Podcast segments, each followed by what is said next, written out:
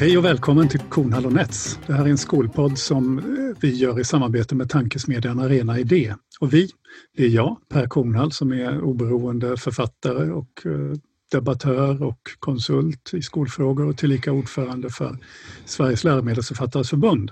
Och med mig så har jag Ingela Nets som är eh, rektor till professionen men du har ju nu två andra spännande uppdrag. Dels som adjunkt på, på rektorsutbildningen i Uppsala och så jobbar du också i en mindre kommun som utredare och verksamhetsutvecklare om jag har förstått det rätt. Visst är det så? Stämmer helt. Absolut rätt. Mm. Ja, med oss idag har vi en person som när jag skrev ner en presentation, jag ska faktiskt be dig sen presentera dig själv, men jag skrev att det här är nog en person som inte är sådär superkänd för allmänheten. Eller kanske ens i skolvärlden, men, men du är en av dem som jag tycker är en av de intressantaste rösterna i skoldebatten. Så välkommen till oss Johan Enfeldt. Tack. Kan du presentera dig lite grann för våra lyssnare? Vad gör du och vem är du? Johan Enfeldt, eh, jag, eh, jag jobbar inte i skolan, eh, har aldrig gjort. Eh, jag jobbar i ett helt, helt vanligt annat jobb. Men, men jag har eh, på senare år ägnat en, eh, ganska mycket av min så fritid åt att försöka påverka skolfrågor. Eh, och, och bakgrunden till det kan man väl lite kort säga att jag fick mitt första, första politiska uppdrag eh, eh, för Folkpartiet som jag var med i på den tiden eh, 1995 i Vallentuna då jag kom in i något som då hette grundskolenämnden. Det var där jag började med, med skolpolitik. Eh, och sen hann jag eh, i den kommunen eh, bli faktiskt också gruppledare och sitta i kommunstyrelsen och vara lokalföreningsordförande och annat innan, innan vi flyttade därifrån drygt tio år senare, 2006. Men jag hade ägnat mig ganska mycket åt, åt skolpolitik och, och, skolan i Vallentuna där under de åren. Sen eh, efter 2006 så, som jag sagt, vi flyttade, jag började göra andra saker och tänkte att nu har jag gjort min grej i politiken. Eh, men det som hände sen eh, några år senare var att jag Ja, men det var ganska konkret. Jag var ute och åt middag med en kompis. Eh, som, eh, och så satt vi, som, som man gör eh, 2012, så satt vi och ojade oss över något hemskt vi hade sett på TV och då hade vi båda två sett en, en eh, Uppdrag granskning, eller någon föregångare till Uppdrag granskning som hette Världens bästa skitskola, hette, hette programserien. Eh, och, och, Det som hände var att min kompis han lät inte mig eh, liksom, han tillät inte mig att oja mig över det där. För han sa, du var ju med. Var det inte så här ni hade tänkt att det skulle bli? sa han. Och jag, jag eh, tyckte det där, alltså jag, jag, tyckte han ställde en massa relevanta frågor till mig och jag började fundera ganska mycket själv den sommaren 2012 över hur var det det var tänkt nu då? Jag var ju inte central eh, men jag var ändå med i, i som skolpolitik i en kommun och i ett parti som, som hade, drev de här frågorna. Eh, och det, det resulterade i att jag hösten 2012 skrev en, en i alla fall för mig ganska jobbig text om, om vad jag tyckte hade gått snett eh, och vad man borde göra istället. Då. Eh, och, eh, sen på lite olika krokiga omvägar så ledde det där till att jag eh, till min förvåning fann mig vara partipolitiskt aktiv igen och fortfarande i Folkpartiet. För i Uppsala så var det många som gillade det som jag hade skrivit då. Eh, och sen förra, förra mandatperioden höll jag sen på med regionpolitik i Uppsala för jag ville lära mig mer om hur, liksom, hur vård och sånt funkar också, för där har vi också massa privata alternativ. Så att jag tyckte det var intressant att göra jämförelsen mellan som skol...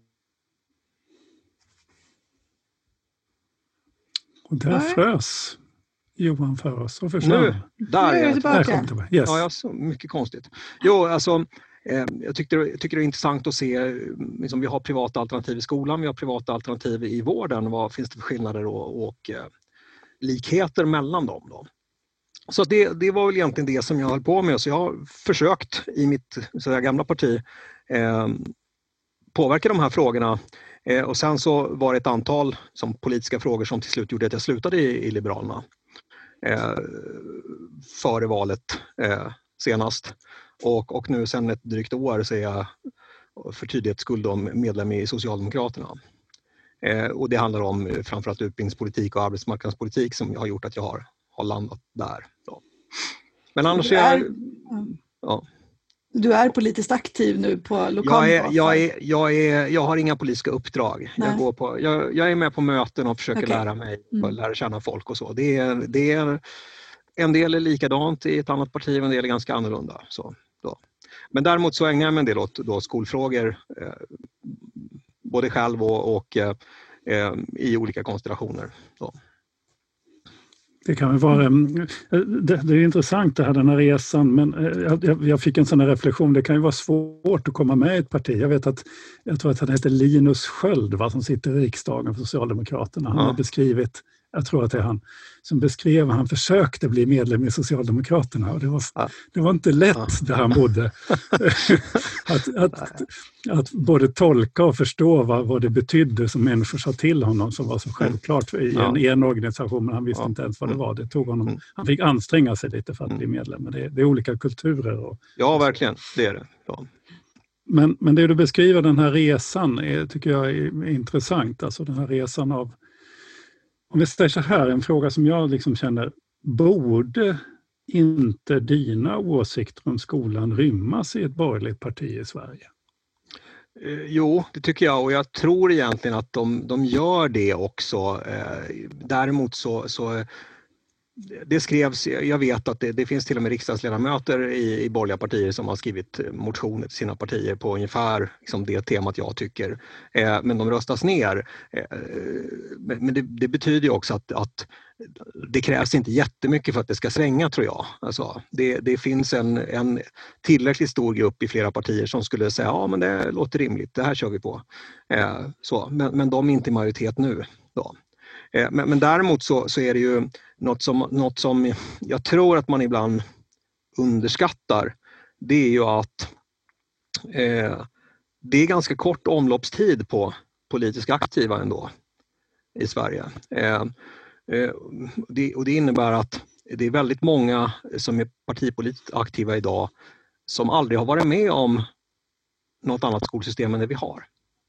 Eh, eh, och, och det gäller, och det, det gäller ganska, ganska högt upp. Vi har partiledare som gick i förskolan när de här besluten togs. Mm. Eh, eh, och det tror jag är en, en, liksom en faktor i detta. Att, att eh, man vet inte om något alternativ i kombination med att, att eh, det, det finns liksom en, trå, en tråkig en, en tråkig touch av, av lagsportsmentalitet i politik idag där, där man är för någonting därför att det från början var vårt förslag. Eh, Alltså att det, det liksom går prestige i frågor. Och, och det tror jag egentligen är, är liksom större hinder idag. Eh, och, och, och då tror jag att man kan behöva hjälpa till utifrån ibland och säga, leta möjliga kompromisser och vägar och, och backa utan att tappa ansiktet. Ja. Så, så det skulle jag tro. Men, men ser man till, till eh, det är inte så länge sedan Sten Tolgfors eh, var skolpolitisk talesperson i Moderaterna eh, och jag tror inte han skulle stå, stå som... jag- Han sa helt andra saker än vad, vad ledande borgerliga politiker säger idag om skolan. Hur då? På vilket sätt? Ja, men eh, så om, om vi pratar bo, både mm, betygsdebatt och kunskapssyn och alla, alla sådana saker så, så, så fanns det liksom en annan, en annan ton från honom. Eh, han sa ofta emot Björklund om, om saker när han var skolpolitisk talesperson för Moderaterna. Eh, och, och, och jag tror att KD känner jag liksom inte till alls. Liberalerna vet jag att det finns det folk som, som ser att här måste vi hitta ett sätt att organisera skolan på ett bättre sätt för det som vi gör idag, det, resultaten visar att det faktiskt inte funkar.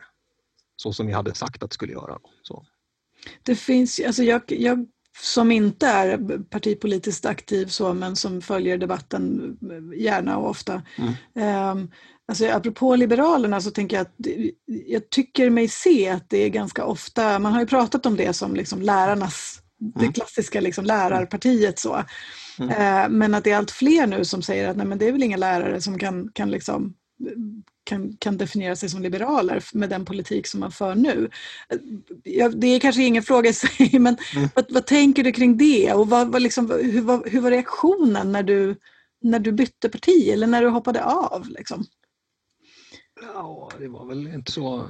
så det, jag har ganska som, bra relationer med mycket folk liksom, i mitt gamla parti fortfarande så att det var väl lite och jag, jag träff, träffar flera av dem då och då också så att, så att det är väl eh, det är klart det fanns några som tyckte att ja, det var på tiden att du, att du bytte men, men annars så, så tyckte jag det var, hanterades ganska bra. Eh, men, men det här du säger om, om lärarpartiet, eh, det tycker jag är en intressant fråga och jag har, jag har inte sett några liksom, siffror på det.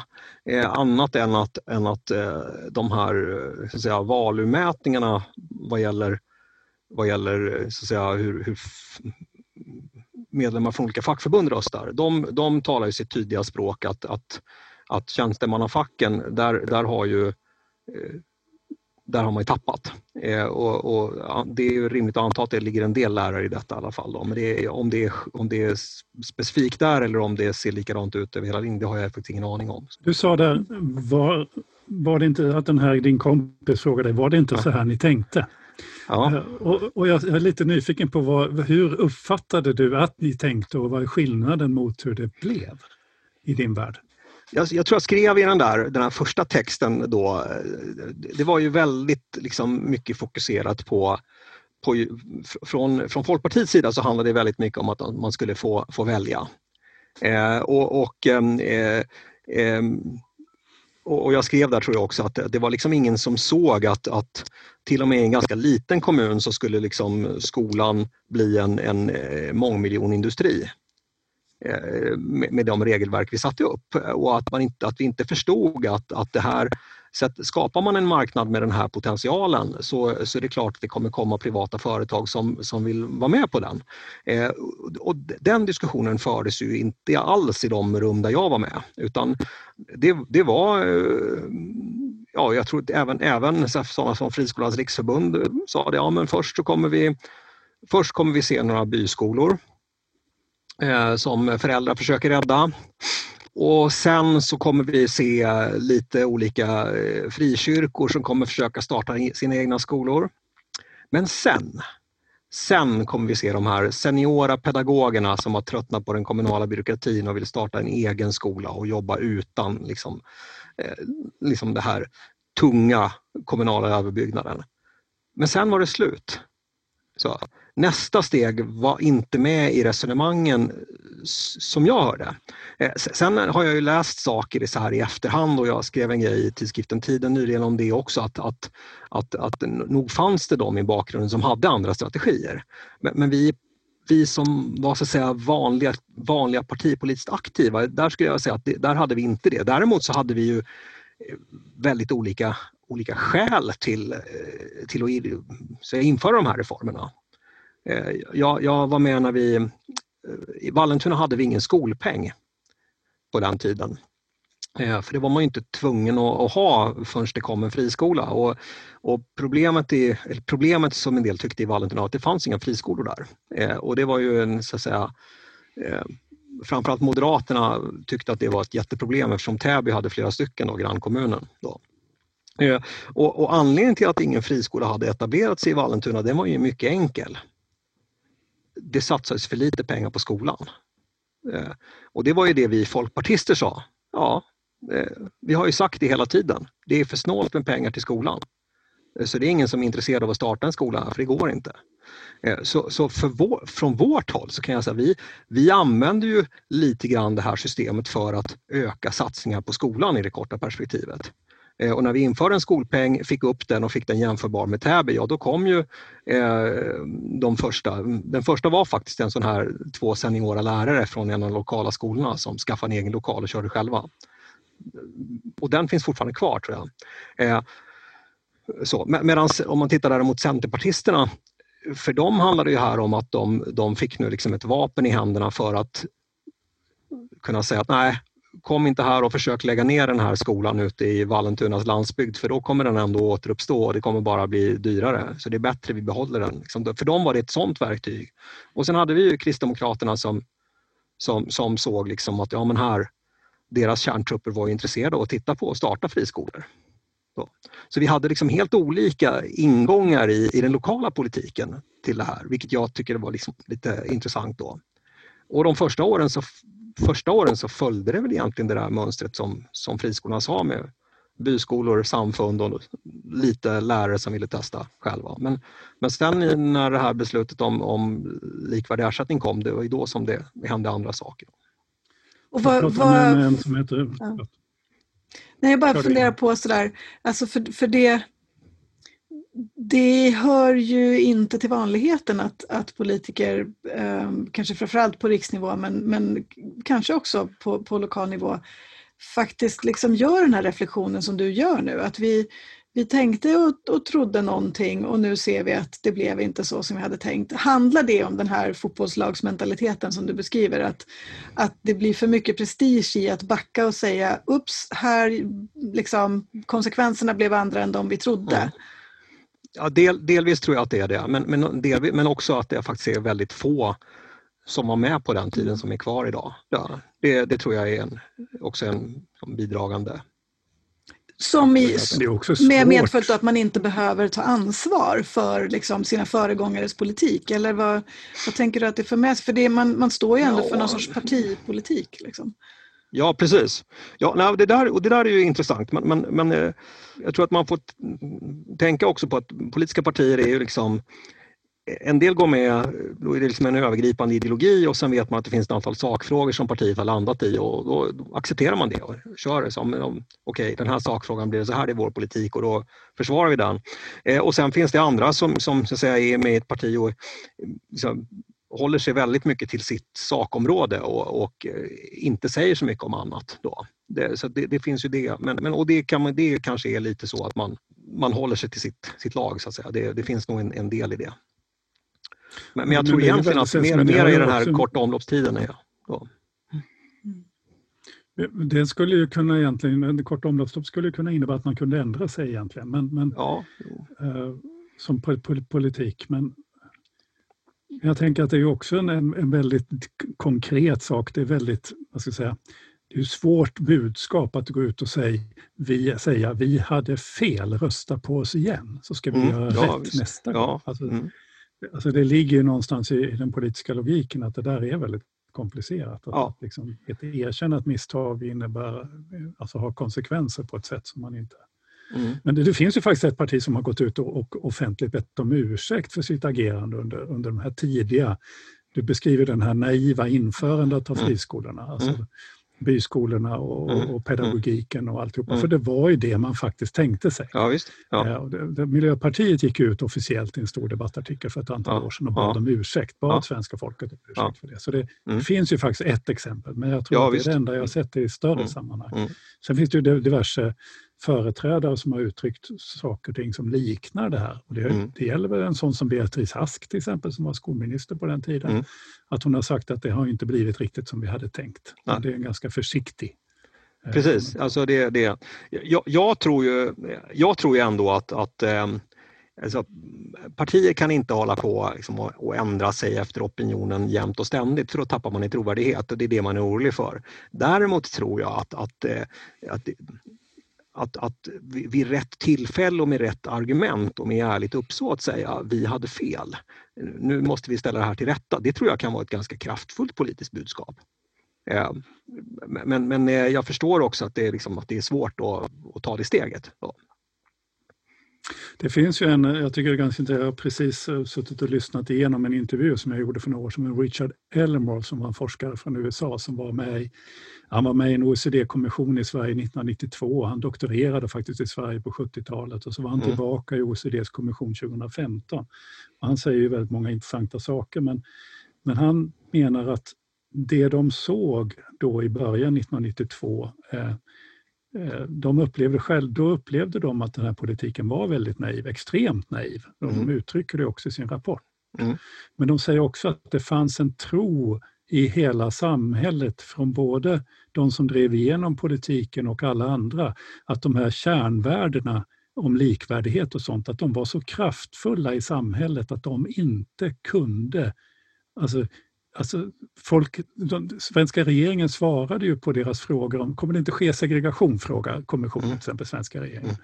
Där svarar ju regeringen att nej, det kommer inte svenska folket tillåta. Mm. Alltså den borgerliga regeringen då svarar på kritik om kanske segregation med att nej, det kommer inte svenska folket tillåta. Mm.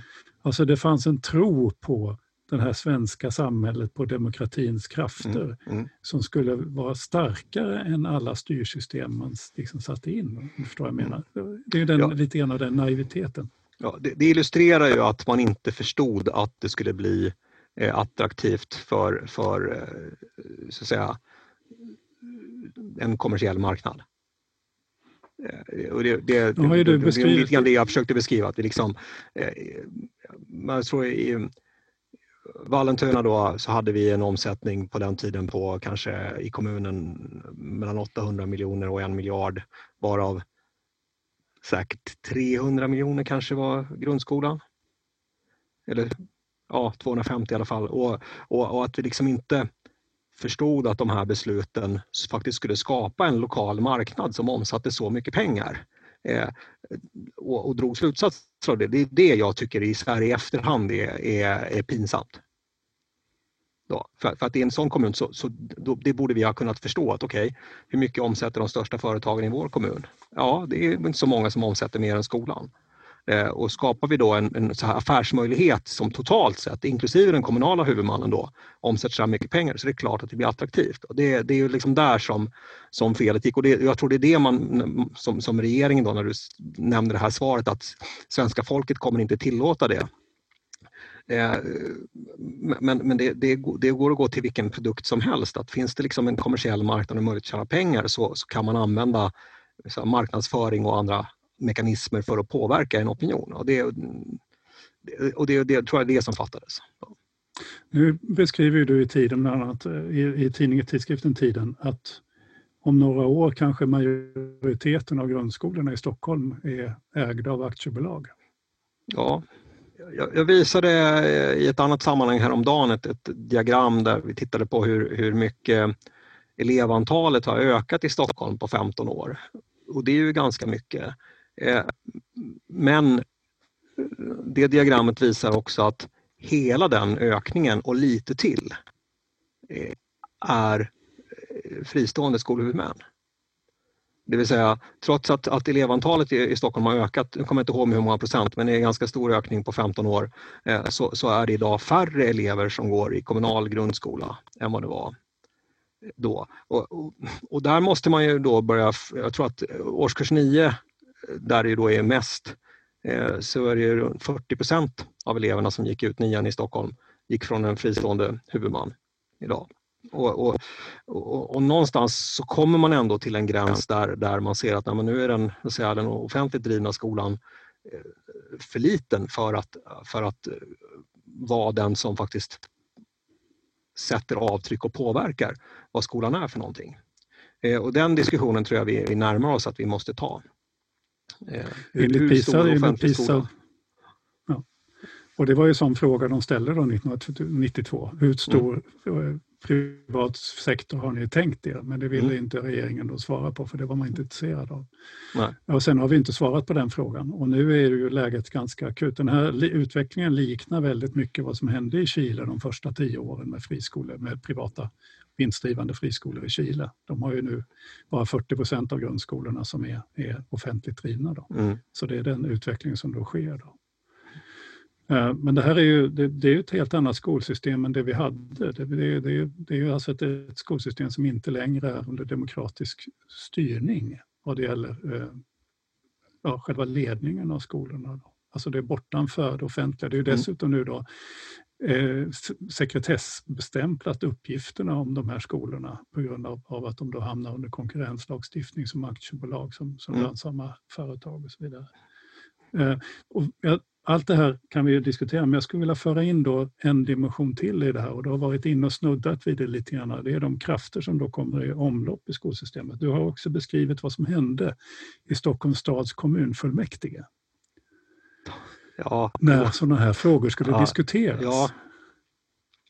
Alltså ja. Jag tycker att det där är ett, ett intressant exempel. Beskriv lite gärna för Jo, men det, det, som, det som händer, jag, jag bor ju inte i Stockholm själv utan jag, jag bor utanför Enköping men, men, men eh, eftersom jag jobbar i Stockholm och, och följer Eh, politik och, och just Stockholm och gäller skola så är Stockholm väldigt viktigt. Eh, och då, då fick jag höra att det hade varit en, en debatt i, i eh, kommunfullmäktige där här i augusti om en motion från Fi eh, som handlade om skolsegregation.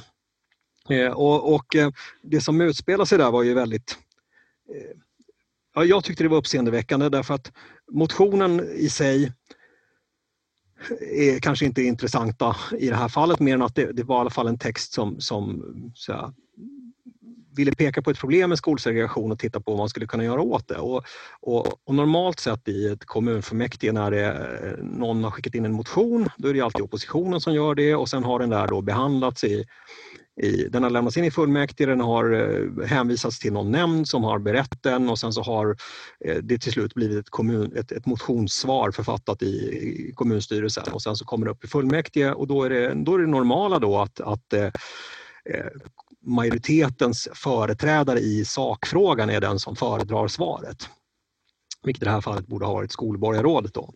Eh, men, men det som hände var att, att den som gick upp var, var en moderat som är, är jag tror att hon är ordförande i trafiknämnden men, men eh, framförallt så är hon, är hon VD i Friskolornas riksförbund.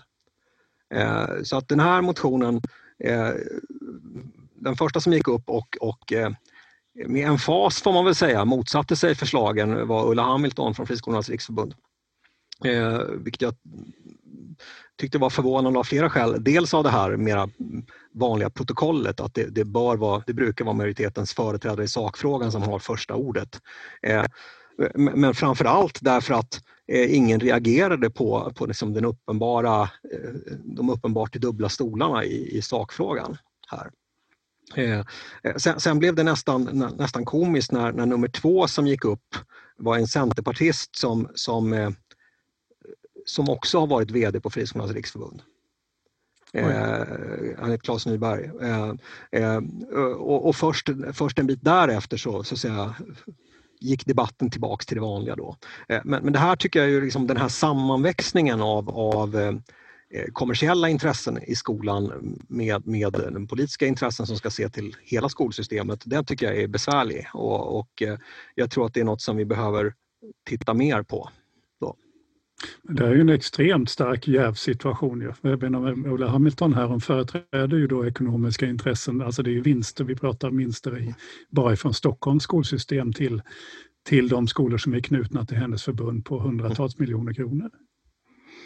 Ja, det, sen, sen ska man säga då att jävsreglerna just för fullmäktige är inte lika hårda som jävsreglerna för en nämnd.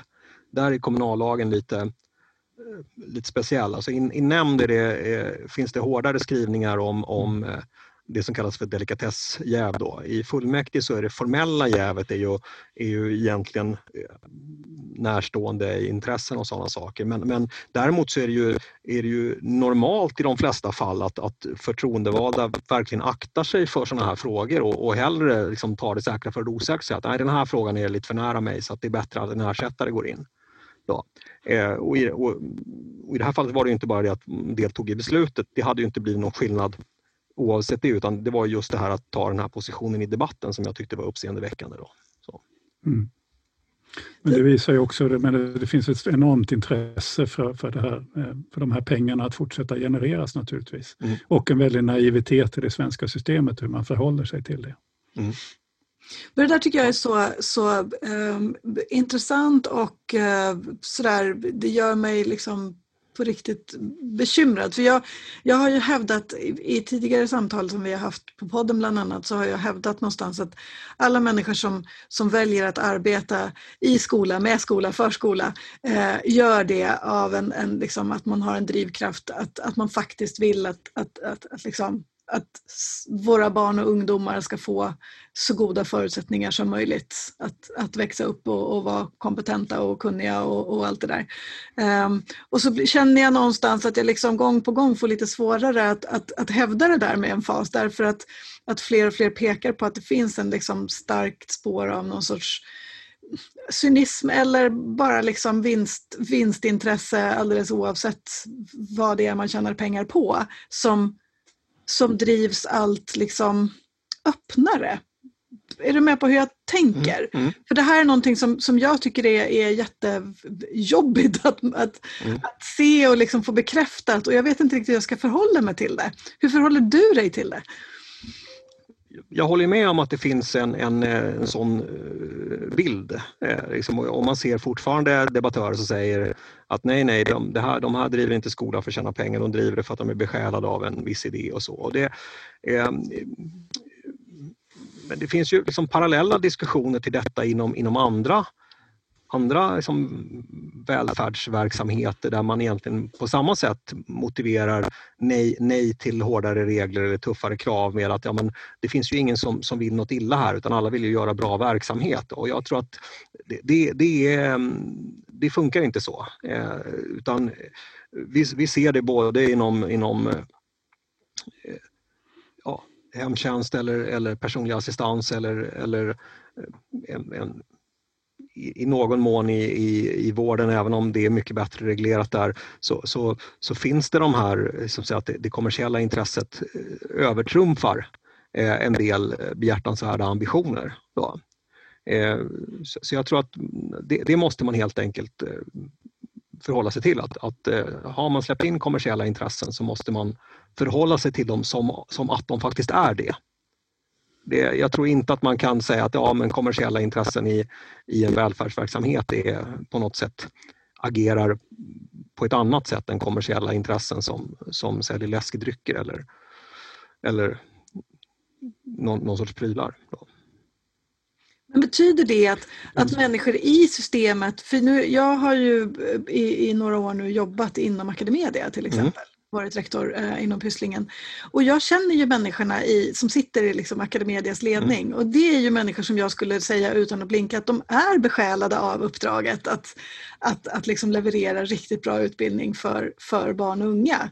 Men är de, är, de, är de på samma sätt som politikerna var då för, för liksom ett antal år sedan eh, naiva för de konsekvenser som systemet skapar? Eller är de väldigt duktiga skådespelare. Ja, så, det där är ju en... Alltså jag, jag tycker, jag, jag, jag, är ju ganska liksom, obekväm med liksom att försöka gissa vad folk egentligen har för personliga motiv. Men, mm. men om man tittar, alltså, man, man, om man tar liksom Academedia som exempel så måste man ändå säga att vi, vi har vi, vi har skapat ett, ett skolsystem idag där där om man är koncernchef i en stor friskolekoncern så har man en, en lön som motsvarar en tre, fyra, fem statsministrar. Och, och, någonstans där tycker jag att man ändå liksom måste börja fundera över, okej, okay, ja, det säger ändå någonting om incitamentstrukturen. Att vi har hamnat där jag är, jobbar själv i privat näringsliv och har liksom inga större problem med att, att, att folk har, har en bra lön och så. Men om man nu tittar på liksom skolan som offentligt driven verksamhet eh, och om man, om man gör den jämförelsen, vad, vad tjänar koncernledningen i, i en stor friskolekoncern jämfört med vad våra, våra statsråd gör? Då, då, då, måste man ändå göra någon sorts reflektion över vad, vilka incitament är det som har vägt tyngst här. Så det är ju som alla som jobbar i en verksamhet eh, motiverar ju inför sig själv varför man gör det. Alltså, mm. Eh, jag tror att man måste vara väldigt noga med hur man skiljer på, eh, att, eller rättare sagt man kan säga skita i vad folk har för drivkrafter, utan det är frågan mm. är vad systemet mm. och vad helheten och samhället tjänar på. Mm, Sen kommer människor att motivera på, på olika nivåer varför de gör saker och varför de inte gör saker. Mm. Eh, och det är ganska ointressant. Men jag tycker att du, du inför det här samtalet så lyfter du den, den frågan, Inger, men jag tycker ändå är bra. De här, om man nu jobbar i en skola, ska man då, i en friskola, ska man då känna sig skyldig? Liksom? Och mitt svar har alltid varit nej. Alltså, alltså, du gör ju vad du kan. Alltså, alla människor mm. som jobbar med, med barn och ungdomar gör det bra, är mina vänner. Men, mm. men det är ändå en bra fråga. Man kan ju då också få en reflex att man vill försvara systemet bara för att man själv känner sig då påhoppad. Alltså det blir en bieffekt av, av, av att man kritiserar systemen som ju, som, som ju inte alls är avsikten utan det vi det jag är intresserad av när jag kritiserar systemet är ju systemeffekterna. Det är inte mm. kritik av människorna som jobbar i det. Mm. Inte ens av aktiebolagsledningarna för de har ju bara att uppfylla, de ska ju försöka få profit. Mm. Det är deras jobb. Men, men det är ett, är ett problem när vi blandar in den verksamheten med det samhälleliga demokratiska uppdraget att fostra barn. Mm. Jag. jag. vet inte vad jag sa nu, men det var ja, ja, nej, men, nej, jag, jag håller alltså jag, När jag pratar skola, jag, eftersom jag inte jobbar i skolan själv så, så brukar jag alltid försöka hålla mig så långt ifrån det här, liksom, vad händer innanför skolans väggar? Liksom, för det är mycket sådana diskussioner som, jag menar, det är klart att det, vårt skolsystem påverkar det, men, men eh, jag, jag, i den mån det går så försöker jag hålla mig till liksom just system, systemfrågorna. Då. Därför att, därför att det är klart att om man är lärare så, så måste man kunna jobba på de skolor som finns. Det är liksom, jag har inga, inga synpunkter det är också, det. Det är också det är bra liksom, ja, mm. Men, men däremot mer det här med, med led, ledningsnivån så tycker jag att man kan fundera över som, jag, jag tycker att incitamentstrukturen i koncernledningarna är ändå liksom en, visar ändå någon sorts, någon sorts bild av vad det, vad det handlar om. Ja, alltså jag, en av de här vdarna för, för det här med bolagen bjöd in mig en gång till en lunch, för de är ju väldigt duktiga på att nätverka och, och, och några av dem är ju ofantligt trevliga och intelligenta på alla sätt. Men, ja, men till slut när han förstod att jag inte gav med mig så att säga, på det, mina åsikter så, så lutade han sig fram och så sa han, vad ska jag göra då? Ska jag göra om det hela till en stiftelse? Ja, sa jag. Så, men det var kanske inte det svaret han ville ha. Utan han, något annat svar. Mm. Eh, alltså själva vinstincitamentet i sig är, är, är problematiskt och det är väldigt konstigt att vi lever i ett av de få länder där det är tillåtet i så stor omfattning som det är. Men, mm. men, men Johan, om vi tittar framåt, då, vad ska vi göra, tycker du? I, i, i det korta perspektivet så tror jag att det, liksom, det viktigaste nu det är ju att, att se till att, att de här liksom, utredningsförslagen som finns både rörande grundskolan och, och gymnasieskolan, att, att verkligen jobba för att, att eh, att det tas steg i rätt riktning med dem. Ehm, jag, har, har jag vet att, att eh, man kan raljera över de där sakerna och säga att ja, men det, är, det, det är alldeles små steg och det kommer inte göra någon skillnad. Men, men det är faktiskt så att, att man måste göra de saker som det går att få politisk majoritet för att göra Eh, och ta det ett steg i taget i rätt riktning. Ja, det, det tror jag är, en, en, eh, är det viktigaste just nu och, och, för att göra det så tror jag att det behövs eh, då behöver frågan skolfrågan behöver göras, inte bara uppmärksammad utan den behöver göras, göras viktig. Alltså det, det är ganska vanligt tycker jag att man, man har som utspel på temat, ja men det finns en opinionsundersökning som visar att 60 procent av eh, de borgerliga väljarna är emot det här och 70 procent av svenska folket är emot det här och allt det här. Ja, det, det är mycket möjligt att det är så. Eh, men, men, men det, det är tydligt bevisat att frågan var inte tillräckligt viktig för väljarna för att det skulle avgöra vad de röstade på. Eh, och det tycker jag är ett säga, grundläggande misstag från, som har gjorts liksom i, i skoldebatten, att man har lagt för mycket fokus på att få folk att tycka att systemet bör ändras och för lite på att få folk att också tycka att det är så viktigt att det ska få avgöra vad, vad man röstar på. För hade det gjort det, då hade, då hade partierna märkt det. Alltså, partierna, åtminstone de större partierna, de, de mäter sådana här saker. Eh, och om de ser en skolopinion segla upp och kollar, ja men det kommer i alla fall inte påverka, vi kommer inte tappa några röster på det, ja då behöver man inte ägna sig åt det. Men om man skulle börja se att oj, det här, det här är inte bara så att folk tycker att vi har fel, det är också, de tycker, det är så, de tycker att det är så viktigt att de kommer rösta på någon annan. Då skulle det börja hända saker och där, där tror jag liksom är den, den stora saken här framåt i tiden, att, att se till att, att eh, människor lokalt, eh, både vanliga väljare men, men kanske framförallt eh, också alltså kommunpolitiker eh, som, som är de som ytterst kommer få hantera konsekvenserna av det här skolsystemet, att de börjar säga ifrån underifrån i sina partier. Där har du skrivit en text där du har gett, gett råd till, till lokalpolitiker. Så där, vilka frågor är det man liksom ska ja. fokusera på ja. för, att, för att på något vis ändå adressera de här. Mm. Och, och, en av de sakerna som du nämner där är ju um, att, att uppmärksamma skillnaden mellan pojkar och flickor när det gäller resultaten. Varför tycker ja. du att det är så viktigt? Nu, nu kommer jag på en fråga som, som kanske liksom inte bara har med liksom vårt skolsystem att göra utan det är något mer. Men, men om, om man tittar på säga, varför, varför har varför har inte skolsegregationen tidigare varit en stor rikspolitisk fråga? För det, har, det måste man ändå säga att den har blivit en, en fråga på riksnivå ganska nyligen.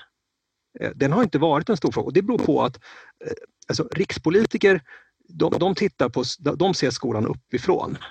De tittar på vårt skolsystem och så tittar de på kommunerna och ser att ja, skillnaderna mellan kommunerna har inte ökat särskilt mycket. Det, det ser ungefär okej okay ut. Eh, och, och, och, det är faktiskt också så att kommunpolitiker de tittar också ganska mycket helikopterperspektiv. Ja, hur mycket gick meritvärdet upp i vår kommun det här året? Som, hurra eller katastrof. Så. Eh, men, men, men, men, men, men det som har hänt i vår skola det är ju liksom den här att det är inte att snittet har ändrats så mycket utan det är mer att det har dragits isär ute på fältet.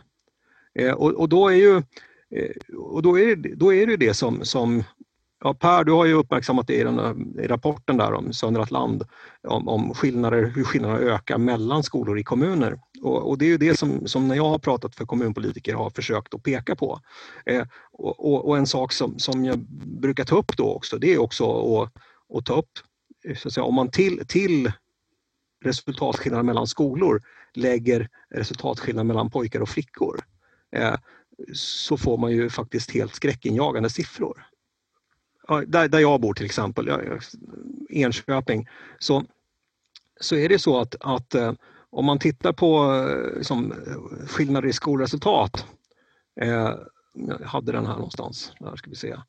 Så, så är det ju så att skillnaden mellan skolor i betygssnitt i årskurs 9 Ja, den, den, den, går i snitt mellan, mellan 200 och 255 poäng, vilket inte är jättestor skillnad. Det finns kommuner som har mycket större skillnader. Eh, eh, men om, men om man däremot tittar, tittar i, i, eh, i, eh, om man tar flickorna på skolan med högst snitt och jämför med pojkarna på skolan med lägst snitt, då, då skiljer det 100 poäng. Eh, och det är inte unikt för Enköping, det är ganska vanligt att det ser ut så. Eh, och, och då, då säger jag att utan att själv vara lärare och jobba i skolan så ser jag att det är, ändå, det är en så pass stor skillnad att man måste, man måste faktiskt undra om de här flickorna och pojkarna överhuvudtaget kommer träffas. Har de, har de liksom ett gemensamt språk? Eh, jag, jag, såg eh, Emma Leinsne skrev den här boken eh, Fördel kvinna som handlar om just det här med pojkar och flickor i skolan. Eh, och, och det var ett samtal om den boken i, i tv där, där jag tyckte det var Ebba Witt-Brattström som, som liksom sa ja, men när de här 17-åringarna sitter på kaféet nu då och ska prata med varandra eh, och, och, och, och, hon har ett ordförråd som är tre gånger så stort som han. Va, vad gör det för, för liksom relationsbyggandet? Rent konkret. Och, och, jag tycker att det här är, det är jätteallvarligt. Eh, och skillnaden mellan pojkar och flickor i skolan, det har nog en massa andra orsaker än just liksom att vi har eh, skolval och, och fristående skolor och vinster och sånt. Däremot så, så ser vi att den här eh, skolsegregationen i, i termer av resultat mellan skolor, eh, den, den eh, förstärker det här mönstret. Att flickorna med höga resultat går på andra skolor än pojkarna med låga resultat. Som ett, som ett utvärderad påspädning av skolsegregation? Ja, precis. Så. Det var, lite, kanske lite långt, men, men lite grann där. Men jag tycker just det här liksom att, mm. att när, när det blir ja, det, så stora skillnader och när man ser det i kommun efter kommun att det är så stora skillnader så, så är, tycker jag det är mycket oroväckande. Och någonting som vi pratar om men som vi sällan ser någonting verkligen göras. Eller, eller ens att någon har någon riktig idé och det finns egentligen inte någon debatt om det heller. Nej. Det... Utan det, det bara konstateras och har gjorts år ut och år in. Då. Ja, visst. Vi, vi måste väl börja runda av så småningom. Men jag, jag har en, eh, en tanke också som jag tycker ändå mig se. För när det gäller det här att du kommer från den här, den, du kommer ifrån från, från Liberalerna och så gör du ändå nu då ett byte här. Men samtidigt så tycker jag det är också ett exempel på, jag tycker att jag ser ledarsidor eh, som är borgerliga eh, per definition också förändra sin attityd till vissa av de här skolfrågorna. Är det också något som du känner igen Johan? Ja, det tycker jag, det tycker jag att det är. Eh, alltså, både DN och Expressen har ju egentligen säga, tagit ganska tydlig ställning för att, att man behöver göra flera av de förslag som finns i, i den Björn Åstrands utredning.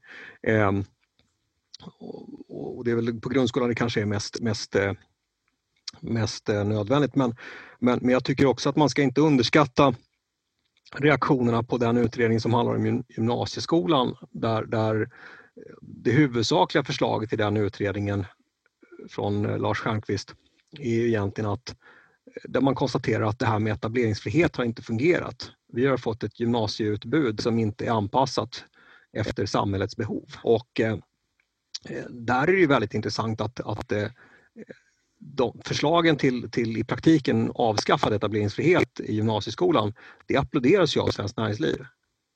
Helt enkelt att man ser att det faktiskt inte, de som kommer ut och ska börja jobba, de, det är inte, de har inte rätt kompetenser. Eh, så, så, jag tycker att det finns, det finns liksom flera eh, ljuspunkter där, eh, där, där Svenskt Näringsliv kanske mer agerar utifrån att man ser till det faktiska resultatet och ser att det här vart inte så bra, då måste vi göra något annat. Och där jag tror att, att när det gäller liberala ledarsidor, där tror jag att, att det faktiskt finns i ganska många fall någon sorts Ja, man har inte varit så insatt i systemet Eh, eh, och så har man sett konsekvenserna och då kan man också faktiskt dra en del slutsatser av som ren liberal ideologi om att det, det här kanske inte är, är, det mest optimala. Jag, jag brukar säga det om, om eh, liksom, valfriheten där att, att det, det är ju faktiskt så att det var liberaler som införde skolplikt eh, och, och, och, de gjorde ju det för att skydda barnen mot föräldrars fria val att inte sätta dem i skolan. Ja, så, det, så att säga, skolval är ju, är ju inte alls självklart ur ett liberalt perspektiv på det sättet. Och det finns ju en parallell diskussion till det idag när det gäller det här diskussionen om, om eh, skolor med tvivelaktig inriktning och så som, som föräldrar kan välja att sätta sina barn i och det ju, sker ju inte utifrån barnets intresse då utan utifrån förälderns intresse. Mm. Det finns ju också, det var ju också liberala politiker som såg till att vi fick en enad grundskola. Ja. Det... Faktiskt, av, av, av, av samhälleliga skäl. Av, alltså, mm. så. Mm. Jag tycker att mycket av den skoldebatt som har, eller den, det som har lett till det här eh, extrema marknadssystemet som vi har på många områden är en otroligt naiv marknadsliberal ådra. jag tycker precis som du att det här Svenska Näringslivs eh, kommentar till Stjernquists utredning visar på någon sorts mognad och samhällsansvar istället för, för enkla plakat, eh, mm. vad ska man säga, plakat politik eller plakat. Mm. Alltså enkla påståenden bara. Eh, mm. Visioner kan man väl säga. Kan ja. snart, på något mm. snarare. Så att vi, vi får väl hoppas på en återgång till ett mer samhällsbyggande diskussion än en, en, en, en sån enkel ideologisk debatt.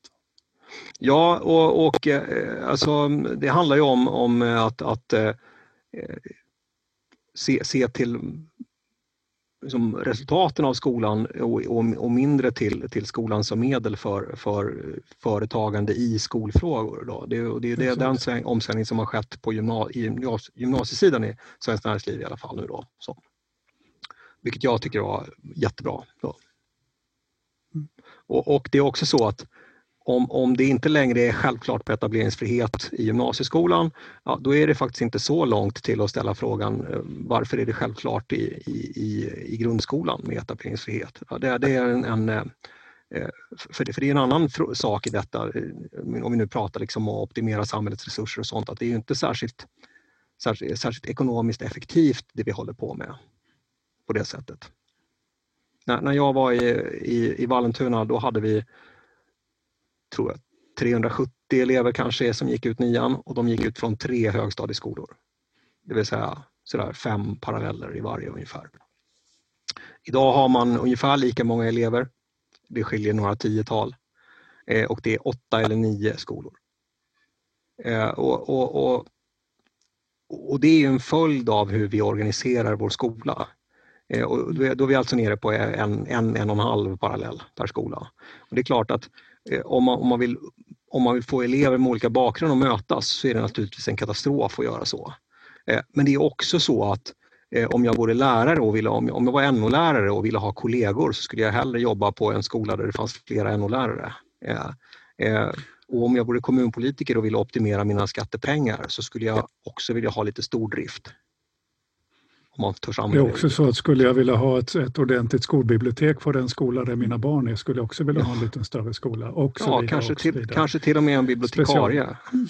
Ja. Precis. Specialpedagoger, alltså vad Ja. vi än går in på här så Ja. är det ju Mm. alltså tanken att, att vi inte måste planera den här typen av verksamhet utan vi lämnar ut den till marknaden. Det är, Mm. en, väldigt, det är en väldigt eh, apart tanke. Alltså när, när Ja. jag pratar med europ- europeiska kollegor om, om sånt här så, så förstår de inte eh, Nej. att vi har kunnat klättra så långt ut på den här Mm. grenen. För, för Mm.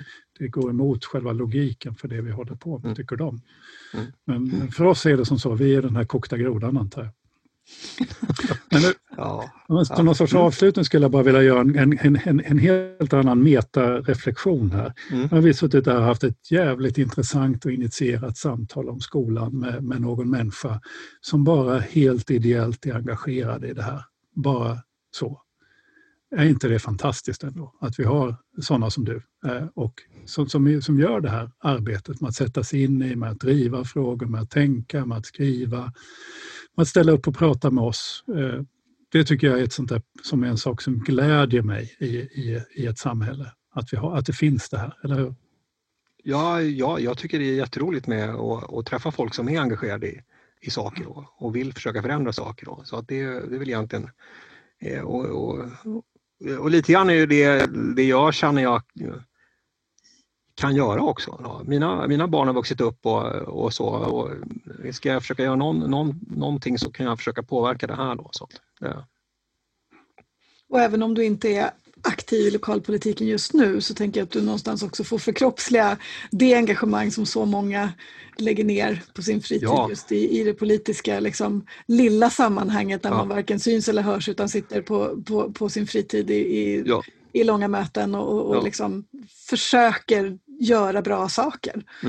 Och där, där tror jag att det faktiskt finns en del att, att, att göra för just vad gäller det här därför att nu, ofta pratar vi om konsekvenserna av de här systemen vi har infört med, med olika privata aktörer och så men, men, men det ställer ju också krav på att man som de som sitter på de här fritidspolitikuppdragen och eh, just i skolan är, har man inte så mycket inflytande men om man tittar på hemtjänst eller vård eh, där måste politi- de, de som tar de här uppdragen måste få chansen att faktiskt eh, få verktyg att, att kunna förstå att nu, det ser inte ut som, som det gjorde förr. Eh, då, man måste ha andra verktyg för att hantera det här. Och så. Men jag har största respekt för alla som tar politiska uppdrag och jag har är stolt över dem jag har haft. Så att, det är inte vi omöjligt att skulle behöva många, många Absolut. Nej, du. Och vi skulle behöva många, många fler. Vi skulle behöva ha en stark...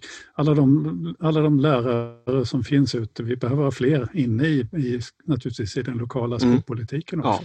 ja visst. Och så vidare. Och så vidare. Alltså vi, inte bara skylla på politikerna utan att vi faktiskt behöver engagera oss.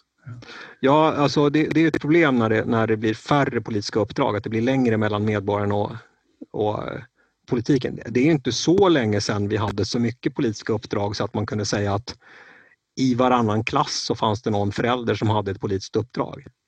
I, kanske inte i Stockholm då, men, men om man tar i en lite mindre kommun så, så var inte det alls ovanligt. Och då var det ju ganska nära till att prata med någon som hade ett politiskt uppdrag. Eh, det, det tycker jag är lite farlig utveckling när, när det ska rationaliseras och professionaliseras så pass mycket som det har gjorts på senare år. Då. Ja, ska vi sluta Ja. där kanske? Ja, Mm. Mm. bra avrundning. Ja, Stort tack ja, tack själva. Johan Ja.